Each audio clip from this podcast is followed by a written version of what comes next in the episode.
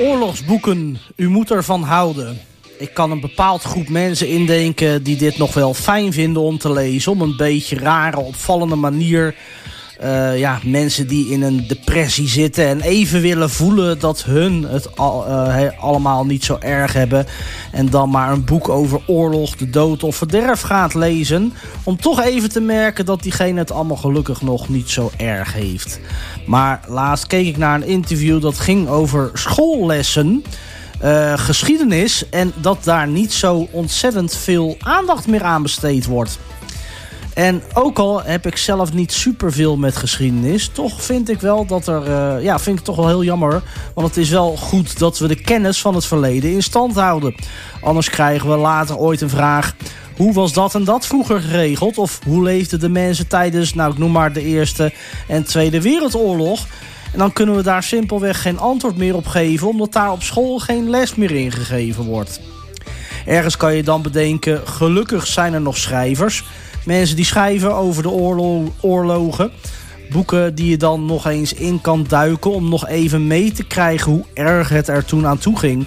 Maar ook hoe een uh, strijders we waren en we het er als land echt niet zomaar bij lieten zitten.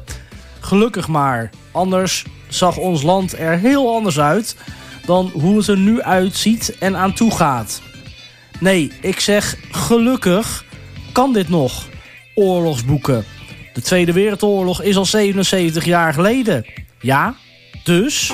Cultuur, cultuur. Kan dit nog? Oorlogsboeken. Tweede Wereldoorlog is al 77 jaar geleden. Vandaag de tweede bespreking van drie goede oorlogsboeken. Het oorlog voeren blijft een eigenaardige eigenschap van de mensheid. Vernietiging vanwege een principe in plaats van samenwerken en opbouwen. Vaak lees je goede oorlogsboeken in één ruk uit. Het zal niet zo verbazen, ik heb een behoorlijke fascinatie voor de Tweede Wereldoorlog. Ik ben niet de enige.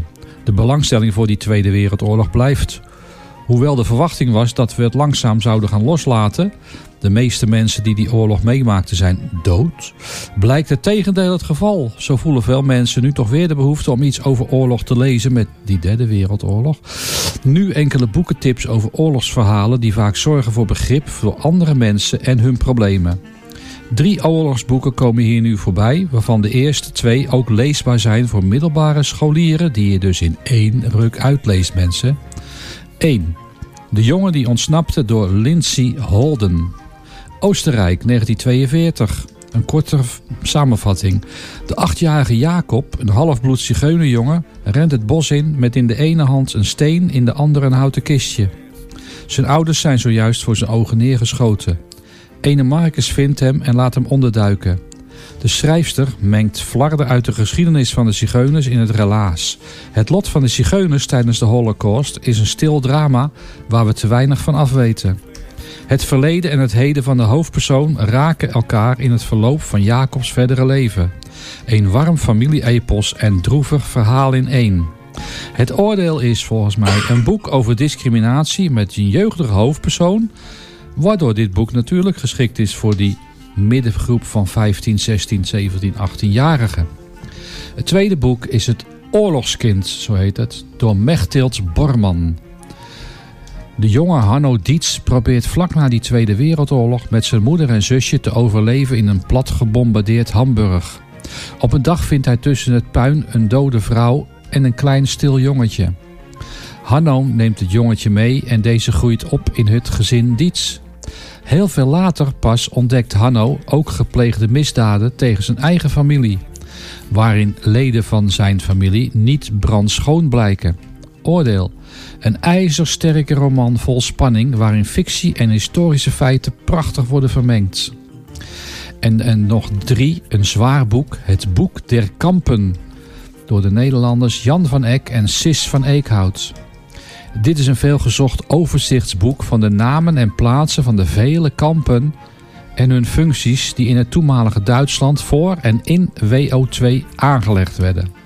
Een noodzakelijk boek en al lezend wordt de lezer gewaar van deze verschrikkelijke werkelijkheid die een uitvloeisel was van een conferentie van de SS-elite waarin dit plan zijn oorsprong vond. In één woord, huiveringwekkende waarheden. Behalve chockerend en confronterend wordt dit boek gezien als het monumentale standaardwerk, het boek der kampen en meest complete overzicht van de Duitse concentratie- en uitroeiingskampen tijdens WO2. Het meest gezochte antiquarische boek is sinds 2014 gelukkig weer in herdruk uitgebracht. Het oordeel van mij, dit nooit meer.